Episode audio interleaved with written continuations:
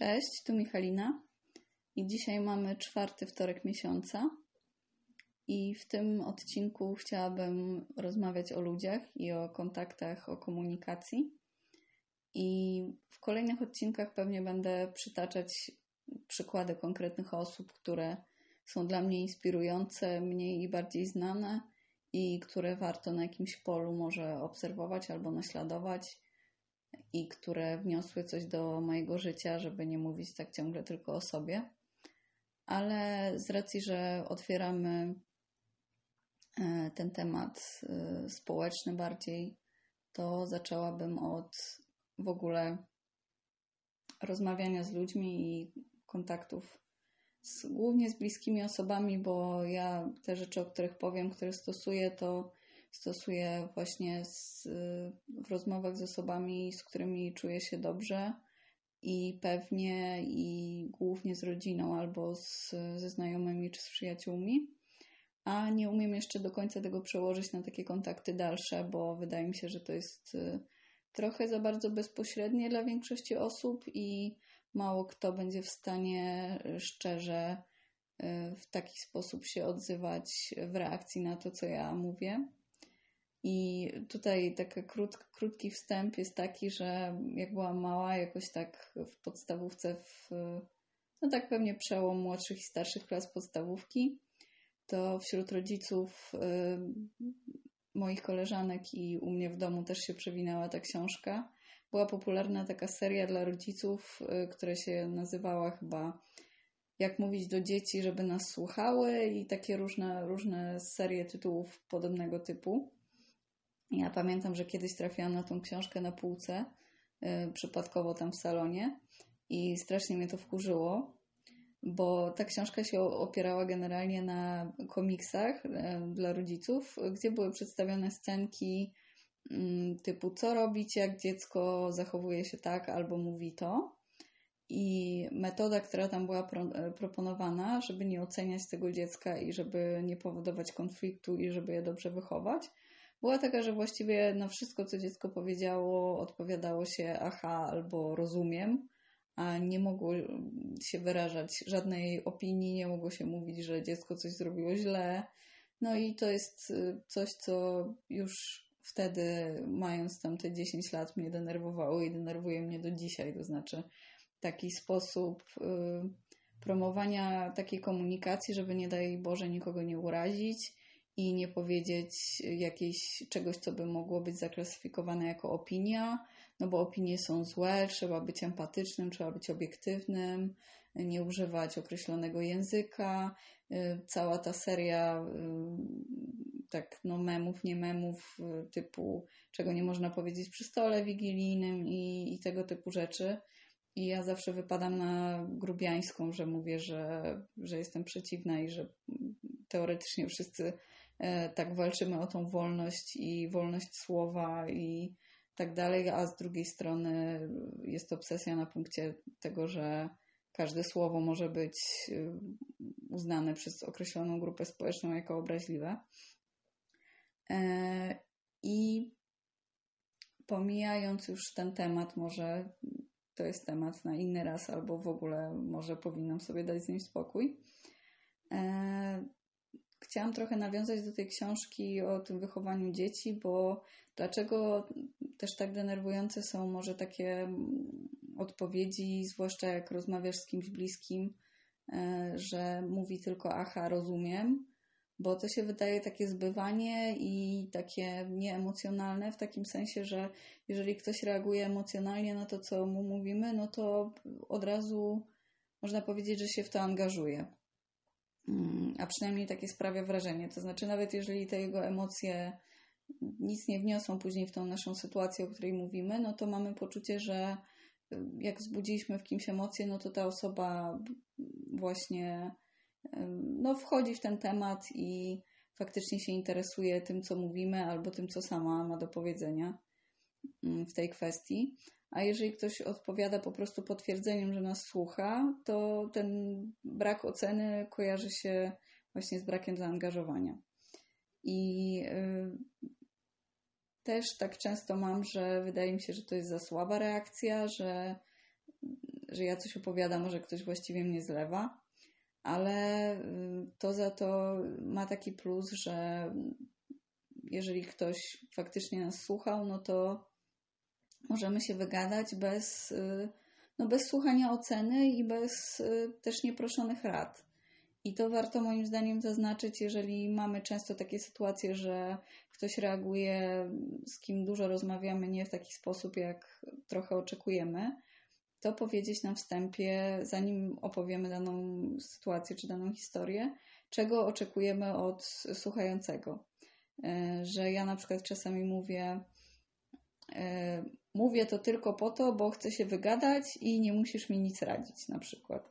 Albo mam odwrotnie, mam z tym problem i opowiem ci, i co ty byś na przykład zrobił w mojej sytuacji, albo co mi radzisz, albo jakie mogą być na to rozwiązania, bo nie wiem, co mam robić. I po takim wstępie, jeżeli druga osoba to uszanuje i jest w stanie spełnić to, tą naszą potrzebę, no to już rozwiązuje wiele problemów, no bo nie usłyszymy wtedy aha, jak potrzebujemy rady i nie usłyszymy wtedy rady, jak chcemy tylko powiedzieć, że coś nas wkurza, a nie żeby ktoś za nas rozwiązywał ten problem. E, więc to jest jedna rzecz, uważam, bardzo ważna, to znaczy powiedzieć i samemu się zastanowić, po co my to mówimy i czego chcemy w zamian. I wcale te czasami tylko pokiwanie głową wystarcza, żeby poczuć się lepiej, jak chcemy o czymś opowiedzieć. E, I druga rzecz, y, która też była polecana w tym poradniku dla rodziców, to jest coś, co w sumie dopiero jak myślałam o tym podcaście, to sobie tak przeformułowałam, że dla mnie to ma sens. To znaczy powtarzanie, co ta osoba powiedziała. I to bardzo często też y, stereotypowo, ale wydaje mi się, że, że to jest stereotyp akurat, który dosyć dobrze się potwierdza. To jest to, że, że psychologowie bardzo często to robią, że opowiada się im coś i oni właściwie mówią to samo, co ty. Mm, tylko, że w kontaktach takich bliskich i powiedzmy subiektywnych, czy z rodziną, czy z przyjaciółmi, to my zawsze trochę słyszymy coś innego niż ta osoba w rzeczywistości mówi. I co mam na myśli? Że tutaj takie papugowanie to nie chodzi o to, żeby powiedzieć słowo w słowo streszczenie, transkrypt e, tego, co ktoś do nas powiedział, po prostu go zacytować, tylko powiedzieć tej osobie, zanim będziemy brnąć dalej w tą dyskusję, co nam się wydaje, że ta osoba nam powiedziała. Mm, czyli co my z tego zrozumieliśmy. Mm, no to jest też swoją drogą dobry sposób na naukę, e, opowiadanie innym, co przeczytaliśmy i tak dalej, ale to, to też inny temat. A tutaj e, są przydatne takie używanie takich określeń, na przykład, że zrozumiałam z tego, co powiedziałeś, że uważasz to, albo czyli masz na myśli, że powinnam na przykład zrobić to, albo chodziło ci o to, że nie wiem, to jest głupie, albo to jest fajne, albo dla mnie to brzmi, że oceniasz, że źle postąpiłam. I tutaj warto, że, że, żeby to nie brzmiało tak, że atakujemy tą osobę tak naprawdę za coś, czego ona nie miała na myśli, bo to często się tak kończy, zwłaszcza mam wrażenie w damsko-męskich kontaktach, że potem baba robi litanie y, wyrzutów, y, a facet jakby przestaje się odzywać, bo powiedział jedno zdanie, które zostało zinterpretowane na sto innych sposobów. I dlatego warto tutaj używać pierwszej osoby, moim zdaniem, że mówić, co się samemu usłyszało i co się samemu z tego zrozumiało, a nie od razu zarzucać drugiej osobie, że ona to miała na myśli. E, więc ja, jak słyszę takie rzeczy, które uznaję za. To są bardzo często rzeczy, które uznaję po prostu za niesprawiedliwą ocenę mojej osoby. Mm, takie standardy też typu, że no, jak miałam tyle lat, co ty, to, to głupie decyzje podejmowałam. Ja od razu sobie myślę, o, to znaczy, że mm, teraz podejmuję głupie decyzje i że kiedyś może będę mądrzejsza, ale teraz to w ogóle bez sensu się odzywam. Mm, i tak dalej. I jak powiem od razu w odpowiedzi na takie coś, zamiast się kłócić albo obrazić i przestać odzywać, i potem ta osoba nawet nie wiedziała, że ja to tak mm, odebrałam, to powiedzieć, że czy chodziło ci o to, że ja teraz podejmuję głupie decyzje? bo jestem młoda, albo ja to zrozumiałam, że to jest zarzut w stosunku do mnie i w stosunku do mojej głupoty. I wtedy ta osoba ma szansę powiedzieć, czy o to jej chodziło, taki miała cel, czy e, chodziło jej o coś innego, tylko ja to tak zrozumiałam. E, I w ogóle aspekt celowości jest ciekawy, dlatego że e, to jest też coś, co ja może zakładam optymistycznie, że jak ktoś coś mówi, to z reguły wie jakoś tam z tyłu głowy, co chce tą wypowiedzią osiągnąć. E, I czasami trudno jest stosować te metody, o których mówię, bo e, no, dużo rzeczy się mówi po prostu impulsywnie, nie zastanawiając się nad nimi i nawet wcale nie mając na celu, żeby to wywołało taki efekt, jak wywołuje. I jak zapytamy taką osobę, że na przykład, czy poradziłaś mi, żeby, żeby mi było lepiej, czy poradziłaś mi, bo y, chciałaś, nie wiem, mnie skrytykować to ta osoba tak naprawdę po prostu powiedziała coś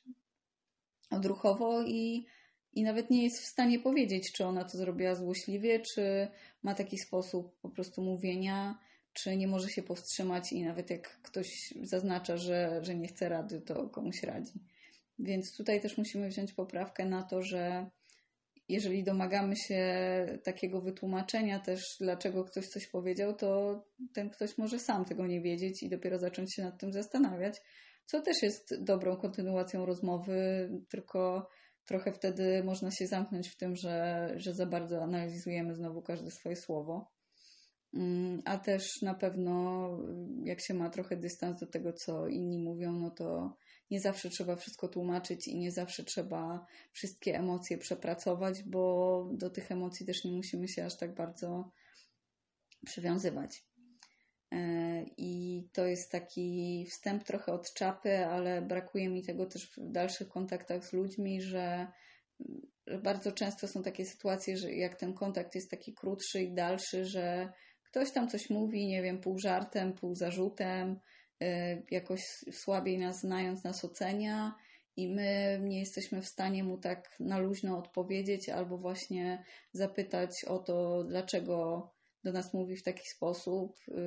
bo po prostu